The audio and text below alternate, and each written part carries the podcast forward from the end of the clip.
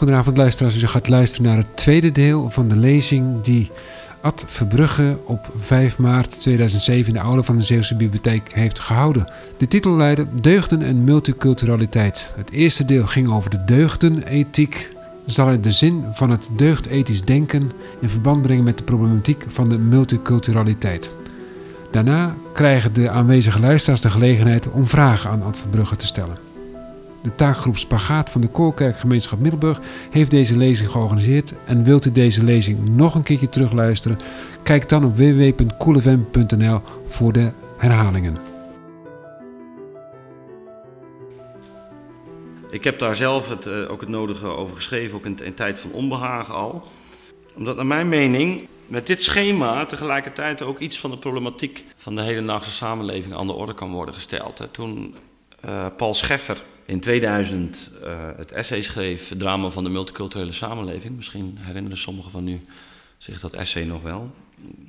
Er is daarmee een, een discussie losgebarst in Nederland uh, over wat eigenlijk de multi multiculturalisme is en wat ook de schaduwzijnden zijn uh, van de manier waarop die multiculturele samenleving zich heeft ontwikkeld. En dat is ook voor een deel ook door de vertegenwoordigers van die groepen zelf ook al onderkend. Er is iets grondig misgegaan. Daarmee moet je natuurlijk niet meteen de handdoek in de ring gooien.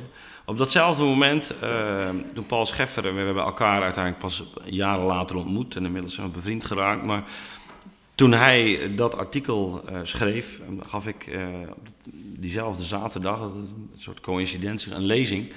Die uiteindelijk ook in tijd van onbehagen in beperkte vorm terecht is gekomen onder de titel Zinloos Geweld. Waarin ik in de bewerking ook dat, dat essay van Paul Scheffer waar ik daar in mijn gedachtegang betrokken heb, heb ik opgemerkt, ja, het drama van de multiculturele samenleving is een uiting van iets veel fundamentelers, wat ik heb genoemd cultuurverlies. Daarbij dacht ik precies aan cultuur in de genoemde zin, zoals ik hem nu vanuit Aristoteles heb geschetst, waarin er sprake is van gedeelde vormen, van bepaalde standaarden die gehanteerd worden, waarin je zinvollerwijs over activiteiten in termen van goed en slecht zou kunnen spreken. Waarin mensen op elkaar betrokken zijn, dus ook een gedeelde standaard hebben, denk aan het voetbalspel, en daarmee tot op zekere hoogte eh, onderling kunnen bepalen en onderling ook erkennen wat goed en slecht is. En zo ook in staat zijn om mensen op te voeden en de volgende generaties iets mee te geven, wat te maken heeft met de levenswijze. Met een activiteit die in zichzelf eigenlijk voldoening schept. Ja, in zichzelf waard is om geleefd te worden. Dat is de gedachte die achter cultuurverlies zat, is precies dat die een dergelijke sfeer aan het eroderen is. Wat is de bron, naar mijn mening, daarvan? Dat is een hele lange geschiedenis, maar ik zal u daar niet mee lastigvallen. Die hele lange geschiedenis, maar een paar elementen eruit lichten. In de eerste plaats een een crisis in de burgercultuur die aan, uh, in de 20e eeuw is losgebarsten. De burgercultuur heeft, had toen 150 jaar bestaan. Dat is eigenlijk opgekomen met de Franse revolutie. Waarin je ziet dat adel en, en kerk onder vuur komen te liggen. En het volk zich bevrijdt, emancipeert. En de, en de burger in eerste instantie in de gegoede, gegoede klasse, de burgerklasse, was de gegoede klasse. En die klasse wordt steeds breder uh, opgerekt, totdat we uiteindelijk iedereen als burgers begrijpen. En zo ontwikkelen we de staat als een uh, eigenlijk gemeenschap van burgers. Niet een standenstaat, niet een adelstaat, niet een regentenstaat, maar een staat waarin zoiets als een demos, een volk vertegenwoordigd is. En waarin sprake is van democratie, dus een, een volk dat zichzelf beheerst of stuurt, regeert. Ja. Democratie, de burgerdom en de opkomst van de staat horen dan ook bij elkaar. De burger moet zich identificeren met een algemeen belang. Zich richten op zoiets als het land, de natie, in het, die die mede onderhoudt, die, die hem mede onderhoudt. En die staat begrijpt zichzelf als institution, institutionalisering van precies die, die burger. De burgers gezamenlijk. Nou, die burgercultuur die in de, 19e eeuw natuurlijk enorm in, op, opkomst was. Gelijk opgaand met, met de opkomst van de nazistaat. Je ziet een enorm nationalisme groeien in de 19e eeuw. Allerlei feesten, symbolen die zwaarder worden aangezet. Een scholing die daarmee op gericht is. Waarom? We bevrijden mensen in de moderne stedelijke samenleving. Ze komen onder het juk van adel en regenten vandaan, maar ze moeten natuurlijk wel in, een nieuwe context functioneren. Dat wordt de context van een burgerdom, waartoe je dan gedisciplineerd opgevoed wordt, waarin je gaat identificeren met een algemeen belang, en dat is de staat.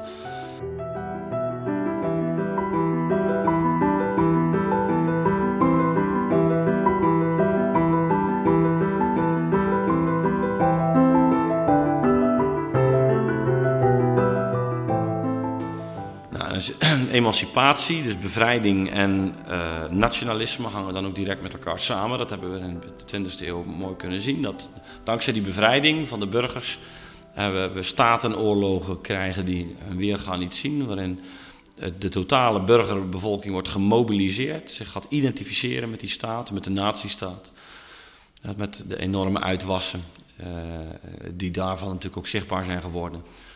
Uh, in de Eerste en Tweede Wereldoorlog. Daarna de deceptie natuurlijk over die burger. Met een enorme kritiek op de burgercultuur en alle vormen en instituties die met die burgercultuur samenhangen. En wat zien we dan ook? Een afbraak, een, uh, voor een deel ook begrijpelijk en misschien ook wel terecht, van precies die burgerlijke instituties. En bevrijding van het individu. Bevrijding van het burgerschap en, burgerlijk, en burgerlijke vormen werden vaarwel gezegd. En in plaats daarvan kwam het individu centraal te staan. Individu dat eigenlijk op dat moment ook niet meer zeker was over zijn vormen. En u ziet het al, de link nu met, met, met de deugdethiek. Vormen die op een bepaalde manier in het ongereden waren uh, geraakt. Een, vroegere legitimiteit ook hadden verloren. Denk, de burger had daar zijn ware gezicht laten zien in twee wereldoorlogen, zou je kunnen zeggen. En vervolgens natuurlijk de vraag, wat dan nu? En wat is directief dan? Wat geeft richting aan dat individu? Zie het? Enorm accent op het gevoelsleven, waarbij in het gevoel ergens een soort geheim besloten ligt. Ja, luisteren naar je eigen gevoel, authenticiteit, uh, het zoeken van je eigen manier. Dat is eigenlijk de doorbraak van wat we heten subjectiviteit. Het subject, je eigen mening, je eigen zin, je eigen inschatting, je eigen waardering, je eigen beleving eh, die steeds belangrijker worden, maar daarmee ook al zeg maar, objectief gedeelde standaarden en vormen steeds meer uh, ondermijnen. Nou, tegelijkertijd, en dat is de ontsporing, hebben we in de periode daarna gezien dat het, het spirituele element, dat in de jaren 60 heel duidelijk nog aanwezig was, en het zoeken naar nieuwe samenlevingsvormen. Denk aan de commune, denk aan de alternatieve samenlevingsverbanden, alternatieve gezinsverbanden toen dat een beetje was opgedroogd, dat het niet leefbaar bleek, dat het eigenlijk ook allemaal voorkeur van een toevallige individu was, ja, zie je dat, dat die oorspronkelijke motieven meer en meer hebben plaatsgemaakt in de decennia daarna voor, eh, je zou kunnen zeggen, een, een zeer libertijnse uh, opvatting van individualiteit. Um, die, uh, wanneer ze door een elite erop na wordt gehouden, misschien nog niet zo erg is, want die krijgen vormen, vormen mee. Maar zeker wanneer ze breed maatschappelijk wordt uitgedragen en bovendien de commerciële markt daar nog eens op inspringt en het exploiteert, alleen maar het tegendeel daarvan teweeg brengt. Dan zijn de omgangsvormen zover verdwenen dat men luisterend naar het gevoel, denkt u aan de incidenten rond die Antilliaanse jongeren, denkt u aan uh, die, die jonge meisjes uh, uh, verkrachten of daar seks mee hebben, of de zogenoemde breezer seks die plaatsvindt, of um, de incidenten rond alcoholconsumptie enzovoort, wat natuurlijk allemaal niks met vrije ontplooiing te maken heeft. Maar veel meer uh, met, om met Aristoteles te, te, te, spreken, houdingen die men heeft aangeleerd, waarin men eigenlijk bevattelijk wordt voor juist extreme overgave aan dit uitwendige en niet meer in een bepaalde vorming gelooft, waarin een, dergelijke omgangsvormen in hun hoogste vorm tevoorschijn komen. Nou was dat sowieso al een vrij elitaire benadering, maar het is duidelijk dat dat hier natuurlijk heel ver te zoeken is.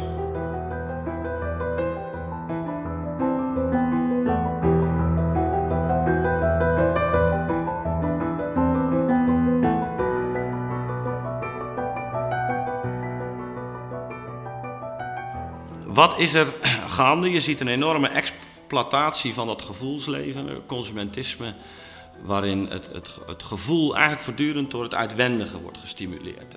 Dan denkt u al wat ik zo even over de deugdethiek zei, daar lag in die activiteit zelf de voldoening, het goed voetbal spelen.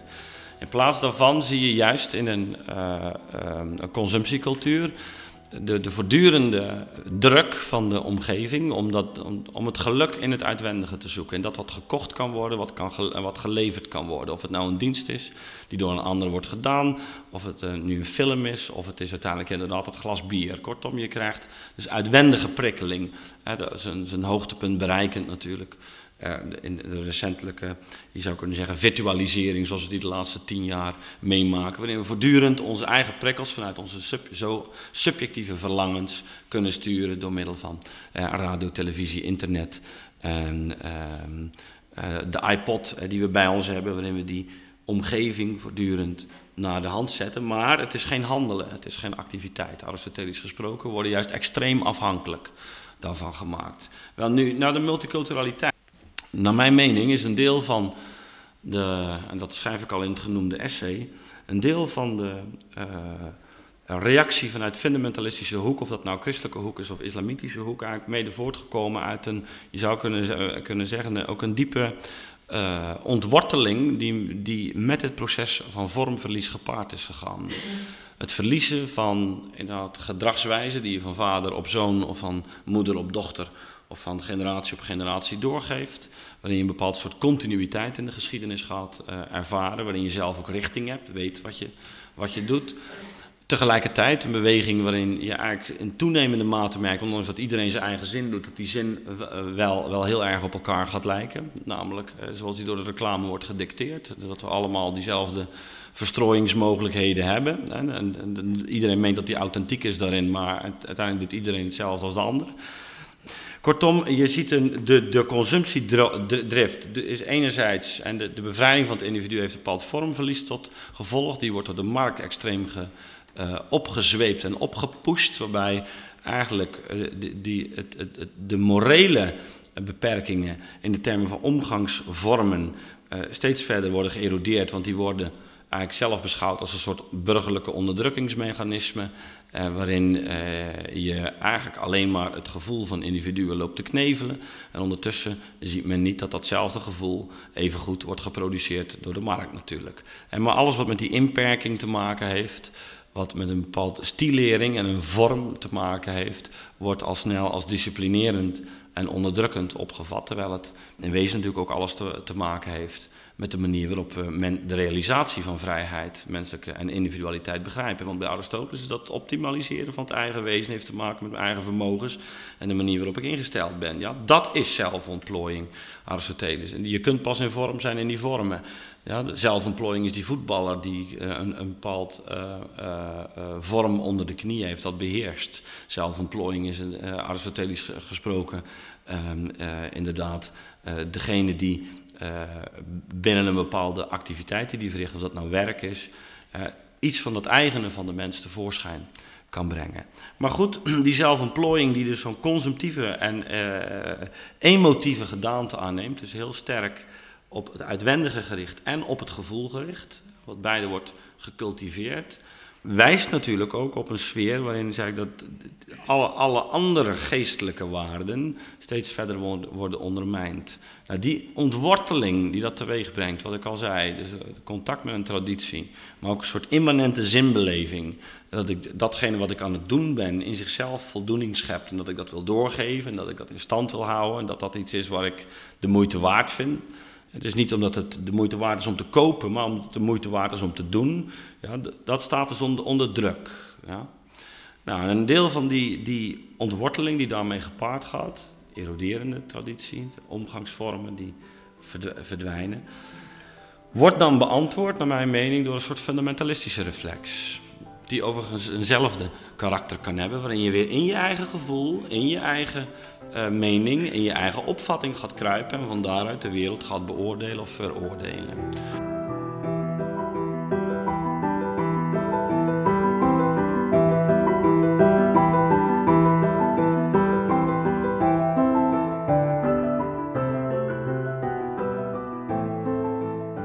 Een deel van het fundamentalisme in zijn reactie op het westers materialisme bijvoorbeeld, ja, beweegt zich in dezelfde modus, namelijk ook een, een, verlies aan gedeelde vormen, een verlies aan, betrokkenheid, waarin je deel uitmaakt van een wereld waarin je elkaar kunt herkennen en uh, in, in, termen van Aristoteles dus uh, eigenlijk een gemeenschap mede onderhoudt in dat wat je doet en laat. Maar precies het verlies daarvan manifesteert zich dus ook in extreme blikvernauwing, waarin het gevoel en het pathos, maar nu in een religieuze zin, zo extreem op gaat spelen dat je in die hyperindividualiteit, in die beleving van dat gevoel, je juist gaat keren tegen.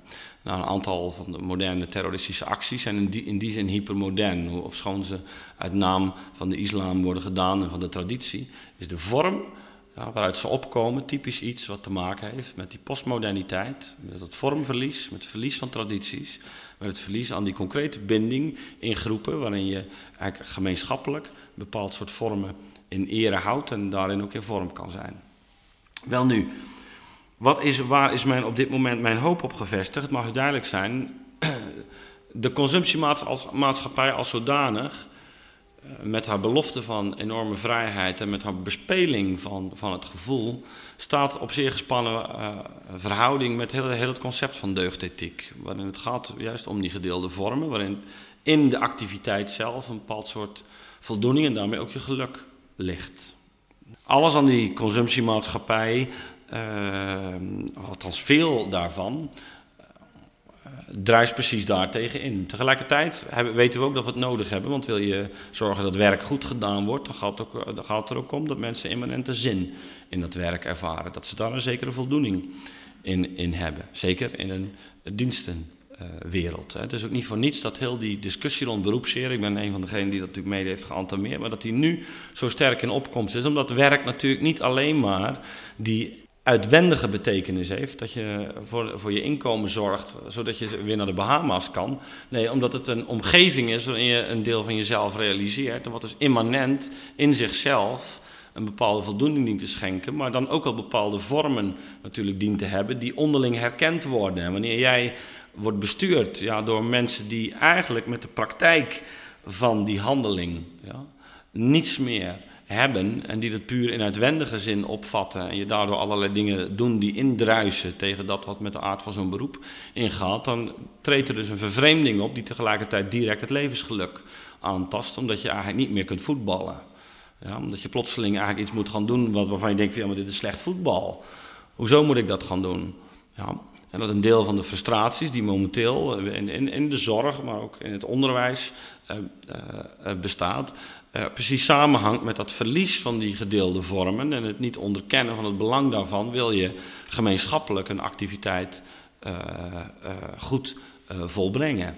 Kortom, dat cultuurverlies waar ik het over had, dat, dat zijpelt door alle maatschappelijke sferen heen. Dat heeft niet alleen te maken met gedrag van mensen op straat, zoals je uh, misschien zou denken. Maar het heeft ook alles te maken met, met wat er gebeurt in, uh, uh, op, op werkvloeren, op universiteiten of op scholen. Het is een problematiek van vormen waarin wij eigenlijk volstrekt onzeker zijn geworden en steeds meer in uitwendige termen zaken proberen te controleren en te sturen.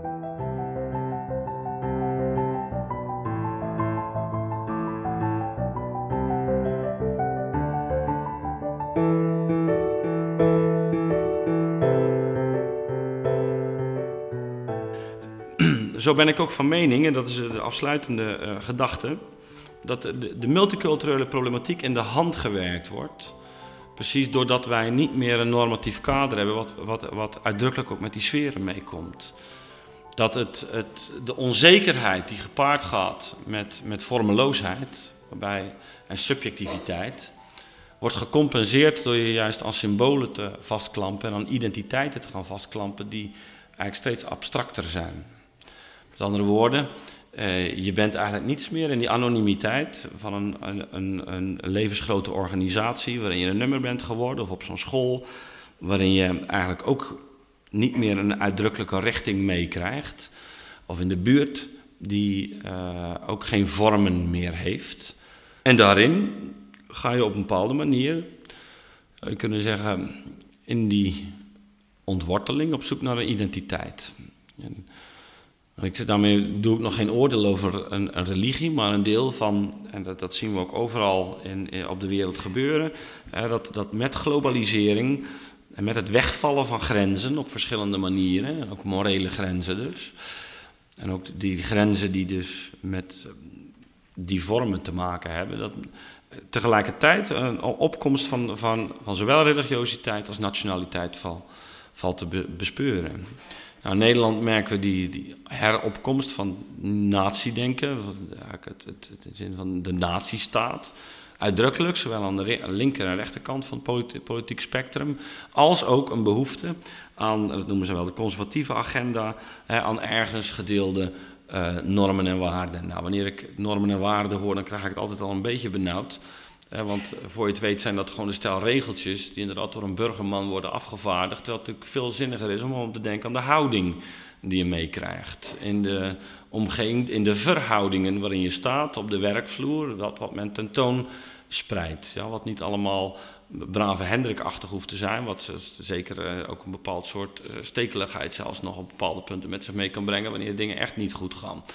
Dan gaat het juist om concrete omgevingen, om dat gedrag en hoe mensen ingesteld zijn, ja, niet zozeer door, door praten wordt beslecht, maar met om met Aristoteles te spreken te maken heeft met gewoonten, met handelingen. Die je ziet hoe mensen om je heen handelen, wat je zelf na kunt doen. Ja, maar ook wat, wat dus richtinggevend is, net zoals op het voetbalveld.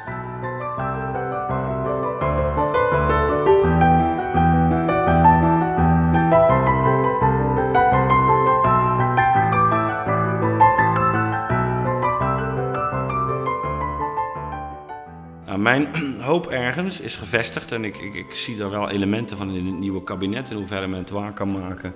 Dat is natuurlijk nog maar de vraag. Dus eigenlijk in het herstel van een bepaald soort normativiteit. En dan heb ik het dus niet over normen en waarden meteen, maar normativiteit in precies die verbanden waar ik het uh, over had. Ik zag een aantal, uh, nou het is, zo, het is al een jaar of twee geleden denk ik op een gegeven moment een, een uh, uitzending, ik meen dat het van een netwerk was, waarin men in, op het hoogtepunt van de, van de multi, multiculturele kookpan, uh, het was toen na de moord van Theo van Gogh, en je zou kunnen zeggen omdat men van de kant van de wetenschap maar weinig zinvolle antwoorden meer hoorde, en ik denk ook dat dat wel klopte in die situatie, dat dat gold voor velen, naar een voetbaltrainer in Schiedam is afgereisd, want die had, die had een multicultureel team. En er zaten Marokkaanse en Turkse jongens, die zaten er bij elkaar in een team. En ook Nederlandse jongens. En dat team, dat deed het gewoon goed. En men vroeg zich af, hoe is dat nou eigenlijk mogelijk? dat die mensen gewoon in een voet, met elkaar in een voetbalteam zitten. En elkaar niet de tent uitvechten, want het was toen bijna de, de grondstemming aan het worden. Van zodra je die verschillende etniciteiten bij elkaar krijgt dan is het hommeles. En dat zien we op school ook. En uh, die man, er werd dus de vraag gesteld, meneer, hoe doet hij dat nou eigenlijk? Hè? Want het is ook nog een beetje een bepaald milieu. Dus dat is... Nou, die man zegt, het heel simpel. We spelen hier voetbal. De interviewer begreep niet helemaal uh, waar het over ging. Hij zei, nou, die, die man, dus, dat is heel eenvoudig. Kijk, uh, dat voetbal heeft een, bepaalde regels. dat spelletje kun je alleen met elkaar spelen. En of je nou een Turk bent, een Marokkaan, een Nederlander of een Chinees. Als je wil zorgen dat dat goed gebeurt, dan moet je dat dus samen met elkaar doen. Met, met, en bepaalde, ik zou zeggen dan in mijn termen, bepaalde vormen hanteren. Dat iemand op tijd is op zijn training, dat je elkaar uh, niet uh, uh, meteen afblaft wanneer iemand een opmerking maakt. Dat je naar elkaar luistert, ook op het veld naar elkaar kijkt. Dat je oog hebt voor elkaar en dat je elkaar als voetballer bejegent. Heel belangrijk, als voetballer. Kortom, in deze vormen uh, wordt dit spel gespeeld en daarin ben je voetballer. Daarin ben je geen Marokkaan, geen Turk of een Chinees. Maar daarin ben je voetballer en binnen dat spel ben je dan nog spits of verdediger of wat dan ook. Ja, kortom, ja, je gaat hier in de eerste plaats uit van de normativiteit die met het spel meekomt. En dan hoort ook een training bij. En, en op die training zijn er ook uh, even goed de bepaalde omgangsvormen. Dat je een afspraak nakomt, dat je op tijd komt, dat je uh, wederom met een, op een normale manier met elkaar omgaat, want anders kun je niet meer voetballen. Kortom, die hele normativiteit, eigenlijk hele omgangsvormen, die worden voorgedaan, die worden bijgebracht, die komen mee. Wil je dat spel goed spelen? Dat heeft niks met etniciteit te maken. Maar wat er natuurlijk wel voor nodig is, dat is een betrokken trainer die daar de hand aan houdt, die het voorbeeld geeft, die duidelijk maakt dat dat zo ook het leukste is om te doen. En waarin mensen inderdaad in die activiteit zelf een voldoening vinden.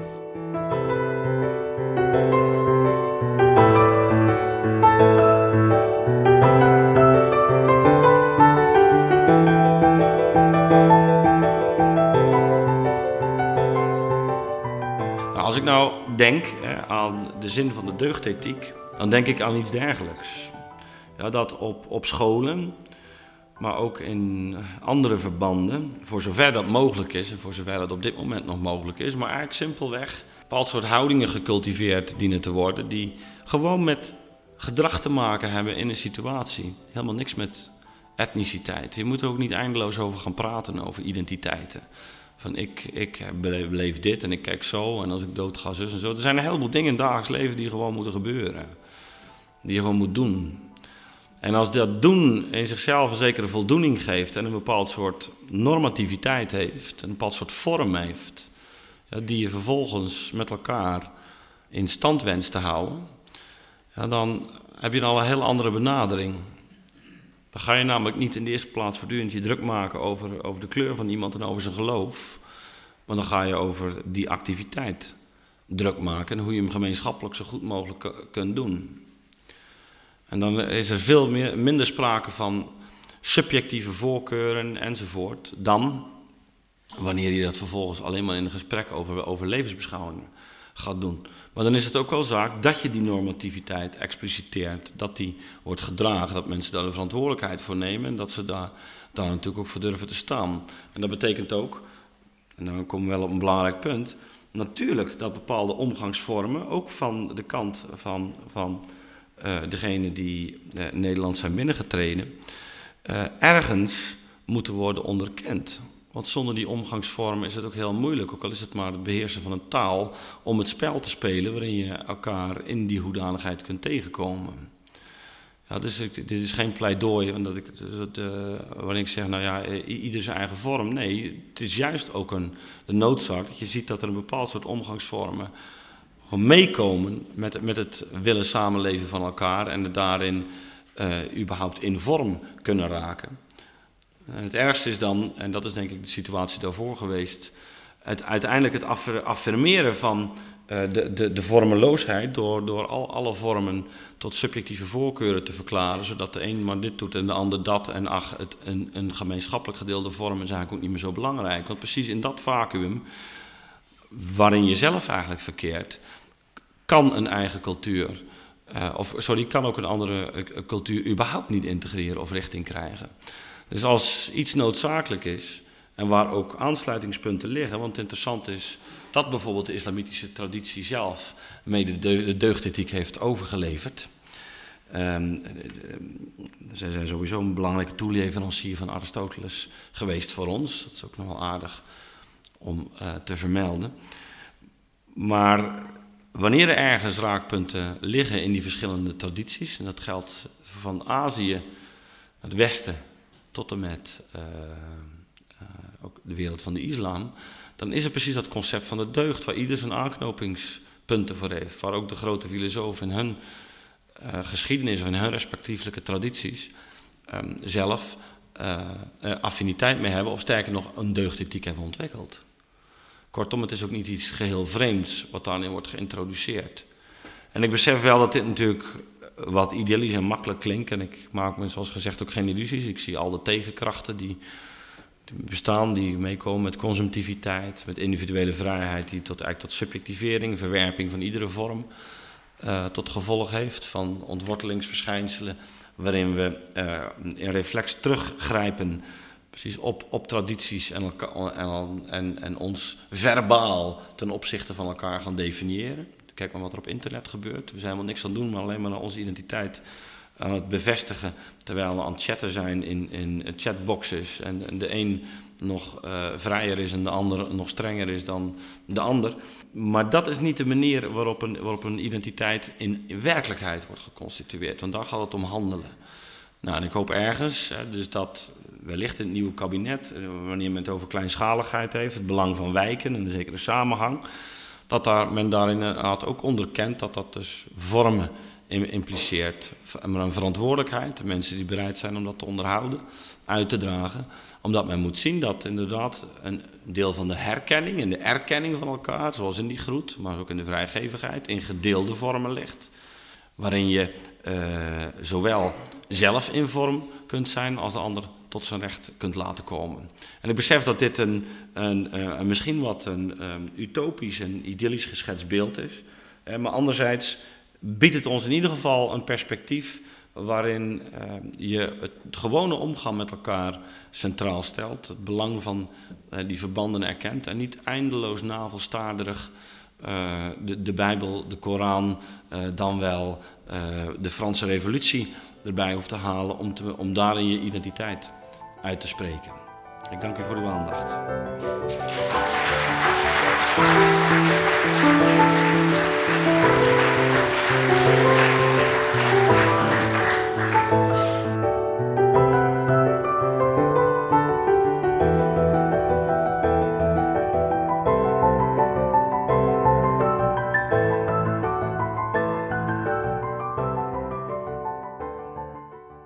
Over naar het vragenuurtje. Uh, half uurtje wordt dat dus. En daarbij mag u alles wat in u op is gekomen, waarbij u om verheldering vraagt, aan mij voorleggen. Dan zal ik even de kop eraf bijten. Ja, graag. U sprak zojuist van de, als leverancier van Aristoteles. En toen kon ik het niet helemaal goed volgen dat de islam de deugdelijkheid geleverd had aan Aristoteles? Nee, nee, nee. nee. Zeggen, want dan kom ik mijn jaartallen in de problemen. Dat zijn. Dat, dat kan alleen in de wereld van Captain Picard. En, uh, gaan we tijdreizen maken. Nee, uh, de geschriften van Aristoteles zijn ons het grootste gedeelte overgeleverd via de, de Arabieren, die zelf eigenlijk in de uh, in, in uh, hun traditie dus ook daar studie van hebben gemaakt. En onder andere ook deugdethische grote denkers bij hen uh, een, hun deugdethiek hebben ontwikkeld. Mede op basis ook van, van Aristoteles. Ik heb met veel belangstelling naar uw betoog geluisterd. maar op één punt ja, kon ik het even niet helemaal volgen. Waar is het nu volgens u precies misgegaan? Want... Ehm, u komt een beetje op mij over, toch ook als cultuurpessimist. U hebt de kranten gelezen zeker, hè? Wat zegt u? U hebt de kranten gelezen zeker? Ik heb de kranten gelezen. nee, ik nu alleen op wat u zegt, want... Uh, staat een blij mens. Op een gegeven moment zegt u... Um, die burgermaatschappij die dan ontstaan is in de Franse revolutie... Uh, ja, dat leidde ertoe dat mensen...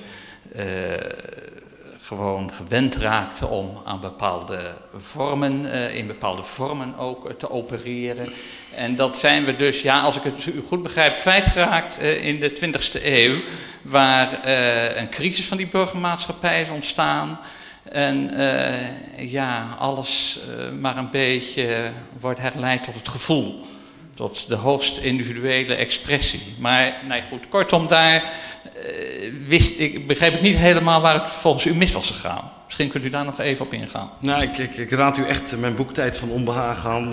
Dan ga ik iets.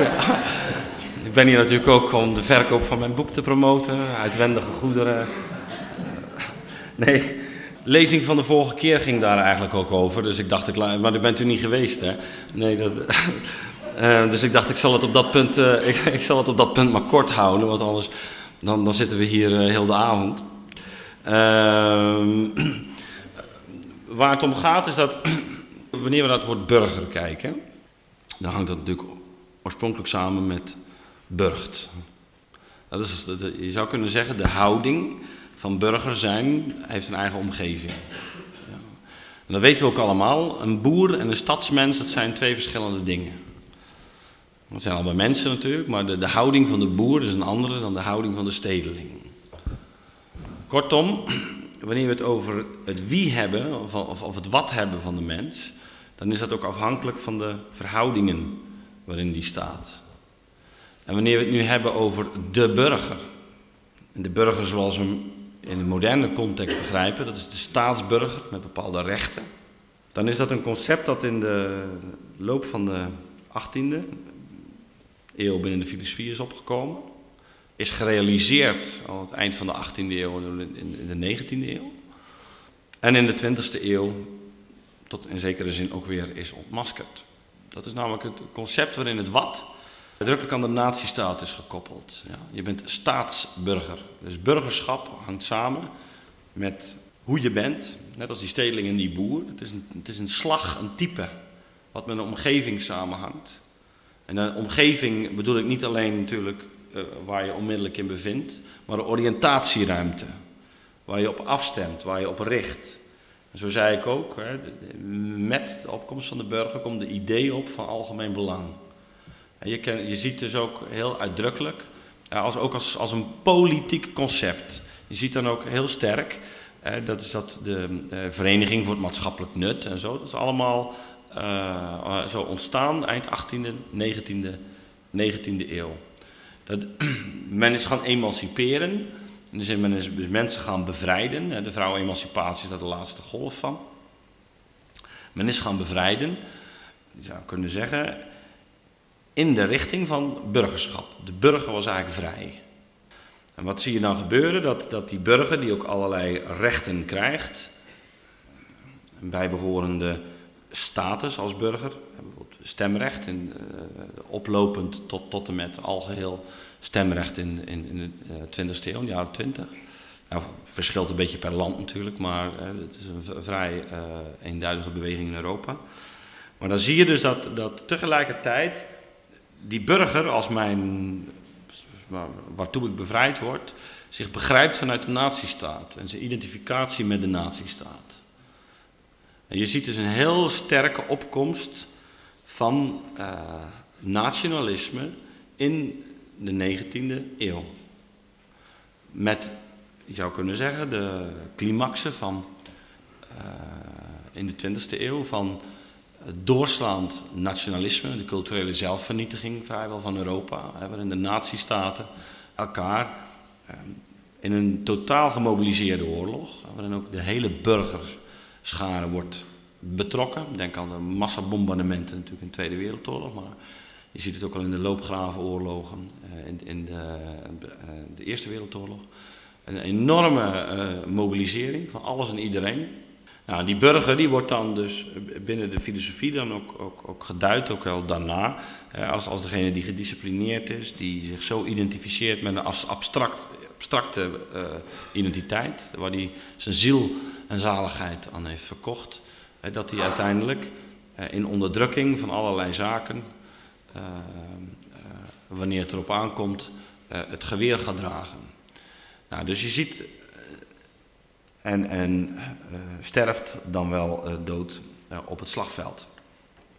Je ziet dus dat een deel van de kritiek zoals die in de, in de jaren 60 is verworteld en in de filosofie, Frankfurter Schulens wordt al eerder, hè, betreft gewoon die enorm ingrijpende ervaring van die twee wereldoorlogen met die massaslachtingen.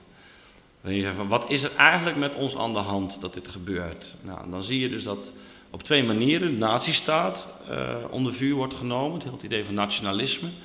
Uh, met daarbij uh, de opkomst van ehm, supranationale instituties. Denk u aan de EEG destijds, of later de EU. En ehm, aan de andere kant een ander mensconcept, wereldburgerschap of eigenlijk het individu. En wereldburgerschap is al niet meer een, een, een, een burgercategorie, want dat is, die is niet meer aan de natiestaat gebonden. Dus dan krijg je dan het idee ook van mensenrechten, van, maar ook vrijheid en rechten van individuen.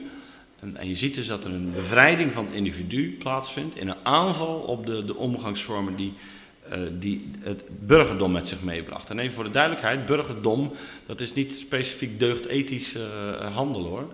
Dat kan ook heel benepen en bekrompen zijn. Hè? Dat is, uh, want deugd, zoals ik al zei, was van origine bij Aristoteles heel aristocratisch. En daar zat juist heel, helemaal niet de benepenheid in. Dat ging, je moest zelfs kunnen genieten, zowel ook van je lichaam, uh, met mate. Want het, ook het niet daartoe in staat zijn was ook een ondeugd. Wat alleen maar tot ongeluk zou leiden. Ja, dus ook in de omgang met drank of seks of enzovoort, eten zit er een heel andere moraal dan, dan die welke we in, in bijvoorbeeld de christelijke traditie tegenkomen. En ook in de burgercultuur tegenkomen. Dus, maar goed, op al die verschillen ben ik nu niet ingegaan. Maar waar het om gaat is dat op het moment dat het individu wordt bevrijd, je, we, een, een, een, vormencrisis gaan krijgen. Dat die vormen die, die uh, er waren, uh, of dat nou het onderwijs betrof, waar ik redelijk uh, zicht op heb, of um, de, de, de, de familieinstituties, je, het opvoeding van kinderen, je ziet daar dat, dat, dat daar eigenlijk de twijfel gaat toeslaan. En dat tegelijkertijd eigenlijk het, wegvallen van die vormen de deur heeft opengezet. En dat was mijn korte analyse, die nogmaals in tijd van onbehagen heel uitvoerig beschreven staat. Maar juist ook de deur heeft opengezet voor een enorme exploitatie van het gevoelsleven. Waarin eigenlijk de, de normativiteit van die vormen niet meer uh, uh, beperkend is. Uh, maar tegelijkertijd dus ook, je zou kunnen zeggen, ehm, daarmee de beleving van het subject enorm op gaat blazen. Dus, en centraal gaat stellen. En dat daarmee in het, in het oppompen van de beleving, of dat nu uh, door drankgebruik is, uit je dak gaan als je meest eigenlijke zelf. Dus een heel, heel ander soort concept dan het eigenlijke zelf bij Kant. Dat was eigenlijk je, je burgerschap. En nu ben je je eigenlijke zelf wanneer je jezelf verliest, zeg maar. Want dat, daar leef je heel de week naartoe. Nou, even gechargeerd geformuleerd natuurlijk. Om, om jezelf kwijt te raken, dat heeft iets raars natuurlijk. Dus wanneer ben je het meest jezelf, wanneer je niet langer aan jezelf hoeft te denken. Maar. Um, voetbalveld. Op voetbalveld, dat is gelukkig ook nog wel, ja. Dat is, uh, daar, uh, dat is mij dan ook veel waard.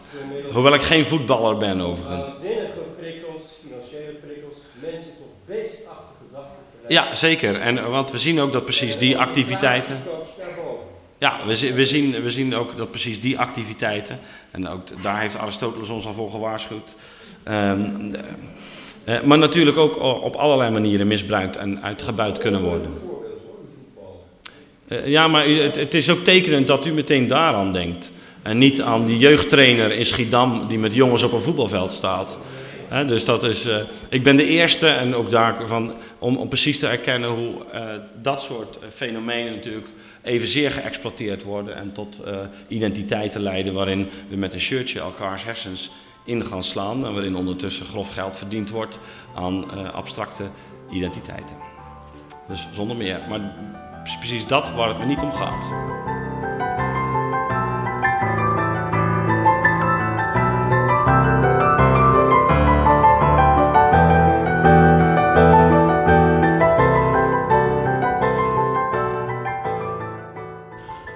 U begon om te zeggen dat uh, de deugdenethiek iets anders was dan uh, spreken over deugden en deugdzaam handelen. Min of meer in mijn eigen woorden. Ja, min, min, min mijn eigen woorden. Maar, maar gaat u verder met de vraag? Dat het dus om meer gaat dan netjes, netjes gedrag, zou ik maar zeggen. Ja. En als ik nou doorga naar het einde, om ook even aan te sluiten bij die mevrouw.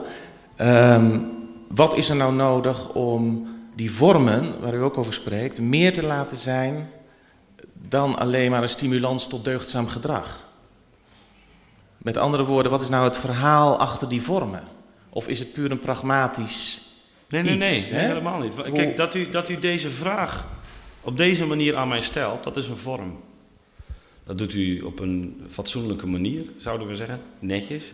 Maar dat, eh, maar dat, heeft, dat, heeft, een, dat heeft een heleboel ele elementen die te maken hebben met aandacht, met uh, iemand aankijken, met uh, de toon die aanslaat, de manier waarop je geluisterd hebt en vervolgens een reactie. Dat, dat, is dus, dat heeft niks te maken met één simpel regeltje. Dat, is dat moet voorgedaan worden, uitgeoefend en dat geef je weer mee. En zo, zo merk je ook van kinderen uit welk gezin ze komen, zeg maar. Omdat het dus die, je kunt nog, nog zoveel praten over communicatie. Het beste leer je dat doordat het gewoon goed gedaan wordt. En dat je het goede voorbeeld krijgt. En wanneer je het dus hebt over die uh, vormen, dan denk ik dat, dat in uh, heel veel opzichten, en dat blijkt trouwens ook uit onderzoek, wel degelijk duidelijk is dat, dat, dat er verschillen bestaan, dat er beter en slechter is. En dan heb ik het niet simpelweg over een regel hoor. Maar zoals uh, uh, we ook horen dat iemand beter of slechter spreekt. Nou, dat hij helderder is in zijn formulering of dat hij juist onhelder is in, in zijn formulering. Ik zou bij die normaliteit zeg maar, alles willen beginnen. Dat eigenlijk een heleboel dingen wel, dat we die ergens al weten. En dat daarin ook, ook een bepaalde richting zit. Ja, van hoe het, hoe het nog beter kan. Op het moment dat je dat niet meer serieus neemt, maar ook op het moment dat je dat niet meer aan kinderen meegeeft, dan, dan verlies je ook het oog daarvoor. Dan, dan hebben mensen dat ook niet meer door. Dan wordt het ook iets wat, wat raar is en niets meer doet. En zoals je inderdaad ook het voetbal kunt laten vernachelen wanneer je niet meer mensen een goede eh, traptechniek geeft. Maar wat is nou nodig om die vormen dan te stimuleren? Ik bedoel, die vorm is hier duidelijk aanwezig. Ja. Er zijn een heleboel terreinen waar die vormen dus onvoldoende aanwezig zijn en niet gerespecteerd. Nou, dat begint al met norm, bijvoorbeeld vormhandhaving, bijvoorbeeld. Waarbij je dan weer uh, het gevaar loopt dat het een normhandhaving of een wetshandhaving wordt. Hoewel natuurlijk daar ook een element van, van correctie natuurlijk bij, bij kan zitten. Nou, wanneer ik bedenk hè, dat, dat bijvoorbeeld waar het gaat om het onderwijs, dat in uh, delen van het spik, we hadden uh, afgelopen weekend, er was eventjes het is een, een, een, een heiweekende met, met onze uh, vereniging, waar allerlei mensen hebben uitgenodigd, vooral de politici, maar ook psychiater, die bezig is met jeugdproblematiek in het onderwijs, speciaal onderwijs. En die heeft ook een programma ontwikkeld, er zijn inmiddels 1500 docenten ook van op de hoogte gebracht, of althans voor een deel ook ingeschoold. En dat ging over... Ehm, kinderen met concentratiestoornissen, ADHD-problematiek. Want daar wemelt het natuurlijk ook van door al die overdaad aan prikkels en te, veel aan suiker te weinig aan slaap. Wat, wat die man uh, eigenlijk vertelde is dat, dat uh, de docent daar een hele belangrijke rol had in dat geheel. En de therapie, wat was de therapie? Die bestond er eigenlijk in om aan het probleem als zodanig geen aandacht te schenken. Maar bepaalde regels, en dan had hij het over dus uh, echt moeilijke kinderen met enorme resultaten. Die, die zullen ook op onze website komen. Met substantiële uh, grote verbetering. Dus net als bij het voetbal, waarin er gewoon een bepaald soort uh, regels bestonden, hoe mensen aan het werk gingen, maar die, die door die leraar zelf ook werden gedaan. Kortom, hij stelde zichzelf ook zo op als hij van anderen vroeg. Nou, en dat gaat dan om heel eenvoudig, eigenlijk heel eenvoudige dingen. En als je dat al loslaat, dan ontstaan er ook grote problemen. Dat je een ander niet stoort wanneer die aan het werk is. Bijvoorbeeld. Dat je niet bij iedere ingeving die je hebt, meteen je mond opentrekt. En, en dat uh, door, door een groep schreeuwt. Kortom, als je het dan ergens over hebt, en dan begint het natuurlijk met opvoeding. En opvoeding, dat gebeurt thuis, maar even goed op scholen. Waarin je eigenlijk gewoon hele basale regels die je in, voor intermenselijk verkeer uh, wil hanteren om samen iets van de grond te krijgen. En om daarbij ook de zwakkeren uh, ook nog voldoende ruimte te geven, en zelfvertrouwen. Een, een vormen moet hebben die je uh, toepast en die je gemeenschappelijk deelt.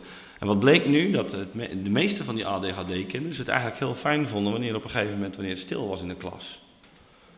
Dat ze eigenlijk zelf daar Um, en dat werd opgebouwd. En uh, eerst begonnen ze met 10 minuten, het spel 10 minuten spelen. En ik bedoel, er was een hele therapie die daaromheen. Maar het nette resultaat was dat mensen dus ook, zeker in hun zogenaamde vrijheid of expressie, of we, we zeggen nu ziekte, ja, dat is ook nogal wat trouwens, of stoornis, ja, leren te overwinnen door, door, door zich in, in een atmosfeer te bewegen waarin dat, dat mogelijk is. En ik denk juist dat wanneer we het hebben over die enorme overdosis aan prikkelingen die kinderen krijgen, dat het een enorme taak is voor ouders of opvoeders en uh, onderwijzers om mensen die concentratie bij te brengen. Om dat denken waarmee de deugdethiek begon, zeg maar, maar ook een soort immanente uh, zin die in bepaald gedrag ligt, uh, om, om dat mensen bij te brengen. En dus dat je in dat opzicht ook weer op een bepaalde manier gewoon een voorbeeld moet, moet durven stellen en een consequentie moet durven trekken die, uh, die te maken hebben met socialiteit überhaupt. Socialiteit überhaupt. Heb ik aandacht voor een ander. Maar ook uh, heb, heb, ik uh, recht van spreken over iets. Dat waren hele eenvoudige dingen. ik besef tegelijkertijd dat, dat het nog een hele klus wordt om dat soort eenvoudige dingen gewoon mensen bij te brengen. Dus ook hoe dat gaat lopen, weet ik niet. Want het kan ook best dat er heel andere krachten losbreken. losbreken. Daar maak ik mij ook wel eens zorgen om. En dan word je dan een cultuurpessimist van genoemd.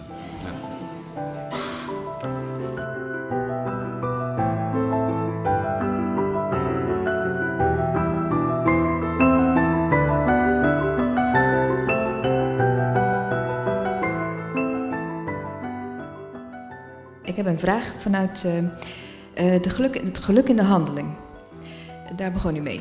He, dat uh, het geluk ja. in, het behandelen, in het handelen van dingen en dat je daardoor een soort uh, deugden ontwikkelt. Ik chargeer het misschien een beetje en ik maak het wat kort, maar mijn vraag is: als je nu kijkt naar dat een bepaalde aristocratische -hmm. bovenlaag dat bepaalde. En op een gegeven moment krijg je dan de geschiedenis dat de burger het over gaat nemen met als ja, excess inderdaad wat je nu hebt, dat het individualiteit -hmm. um, ja, zeg maar, zegeviert boven alle andere vormen van vorming. Mm -hmm. Zoals je het. Uh, hoe krijg je dan de huidige opgroeiende, uh, consumenterende uh, laag, mm -hmm. zover dat die vormen die over het algemeen toch ook een soort aangeleerd zijn, waarbij ook een vorm van leerschap of gezagschap of iets dergelijks mm -hmm. moet zijn, dat dat weggevallen is? Ja. Dat, daar ben ik nieuwsgierig naar of, of ja. daar ook nog een idee over bestaat. Ja, zeker. Nee, kijk, dit is natuurlijk, sowieso is deugdethiek niet democratisch. Er valt niet te onderhandelen over goed voetbal en slecht voetbal. Degene die heeft recht van spreken, die verstand van zaken heeft en het kan. Daarom luisteren naar Johan Cruijff. Dus je moet, je, je, moet natuurlijk wel onderkennen dat op een bepaald gebied uh, mensen meer recht van spreken hebben dan anderen. Dat, dat, daar gaan wij trouwens in ons rechtssysteem ook vanuit, dat kinderen niet uh, over alles zich uit kunnen spreken. Nog niet volledig op hun handelingen volgens het recht mogen worden beoordeeld. Dus je, in, dat, in het recht hebben we dat bewustzijn nog wel, daarbuiten wat minder. Maar dus ik denk dat je in ieder geval moet, moet onderkennen, en uh, dat is ook de vrijheid van, van de jeugd natuurlijk, dat, dat, dat, dat, er, dat je over grenzen heen wilt en dat je, dat je bepaalde dingen helemaal niet wilt onderwerpen. En probleem is alleen wanneer dat heel je leven de modus wordt, dan uh, schaadt je niet alleen anderen, maar vaak ook jezelf. En dat zie je nu ook trouwens volop. 10% minder jongens, even een reactie op die mevrouw, 10% minder jongens gaan naar HAVO en VWO al jarenlang op dit moment. Hè. Dus over vorming gesproken. Ja, maar dus veel, en veel grotere uitval van jongens uh, momenteel. Dus die artsen en, en die rechters, de, de, heel de rechterlijke macht feminiseert op dit moment. Dus ik hoef ook niet eens meer aan mannen te denken. dus, deed ik ook echt niet hoor. Maar, maar goed, ook daar gaat natuurlijk de vormen waarin man en vrouw met elkaar omgaan. Ook dat is natuurlijk weer is een problematiek apart. Um, maar inderdaad, dus, dus je moet uitgaan van bepaalde, bepaalde standaarden. En ik denk dus dat, dat daarvoor ouders, wanneer ze hun ouderschap serieus liggen, een, een, nemen, een taak ligt. Dat je ook ziet dat, dat, dat je, wanneer je alleen al gewoon de socialiteit, gewoon het eenvoudige principe, aandacht voor, voor een ander en, en erop letten wanneer je recht van spreken en handel hebt. Gewoon dat dat eenvoudige gegeven, wanneer je dat serieus neemt en, en de rechter doet dat.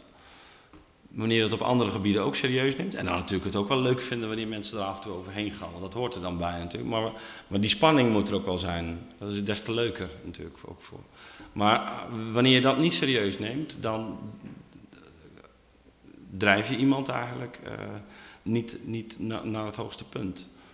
En helaas uh, geldt dan vaak dat het laagste punt bereikt wordt, wanneer je dat maar lang genoeg niet doet. Zoals water ook naar het laagste punt stroomt. En dus, dus volgens mij kun je vanuit ook de constatering wat er voor nodig is, en inmiddels hebben we dat toch wel gezien, uh, in ieder geval onderkennen dat, dat bepaalde vormen uh, die vroeger tot misschien een, een selectere klasse behoorden, of de burger, En ik wens niet terug naar de burgercultuur, helemaal niet.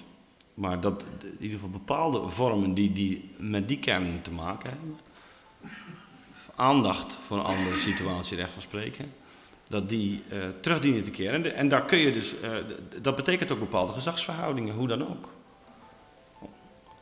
Ja, maar dat, dat, lijkt me ook heel gezond. En niet om daarmee mensen te knechten, want dat, dan krijg je machtsverhoudingen.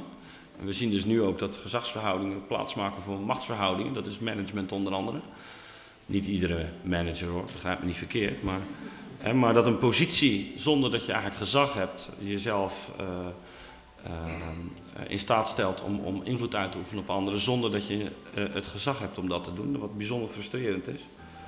Maar volgens mij is dat dus ook, ook het, het, perventerende als zo'n maatschappelijke structuur, waarin inderdaad alleen waarin het gaat om, om die uitwendige goederen. Of je macht hebt, of je aanzien hebt, of je geld hebt. Ja, of je een, een leuke tijd hebt, of je lekker onconventioneel bent. Terwijl, wil je dit geloofwaardig maken, maar je, je ziet al een kentering, ook zelfs al in het bedrijfsleven ook wel enigszins. Hè, dan gaat het er ook om dat je, dat je inderdaad recht van spreken hebt. En dat is dus een herwaardering van, van, van, van kundigheid, van normativiteit, die gewoon met situaties meekomt. En dat is, dat is niet eens een, uh, zo enorm moeilijk, maar het vergt wel een andere instelling. En ik besef dat dit natuurlijk alleen nog maar een, Ik weet ook niet of het gaat gebeuren hoor. Maar ik zie wel iets in de lucht hangen wat daarmee te maken heeft. Ik moet uh, helaas uh, er vandoor. Ja, het was me weer genoeg. En tot de volgende keer.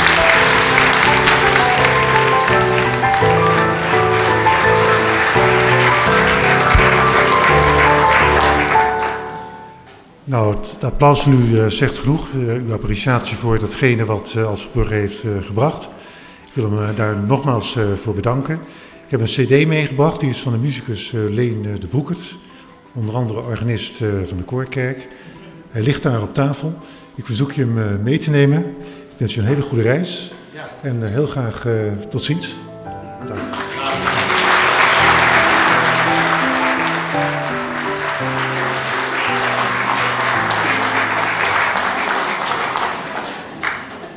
Ik, uh, ik, wil ook u uh, bedanken voor uw aanwezigheid en voor uw uh, bijdrage. Hartelijk dank. Wel thuis.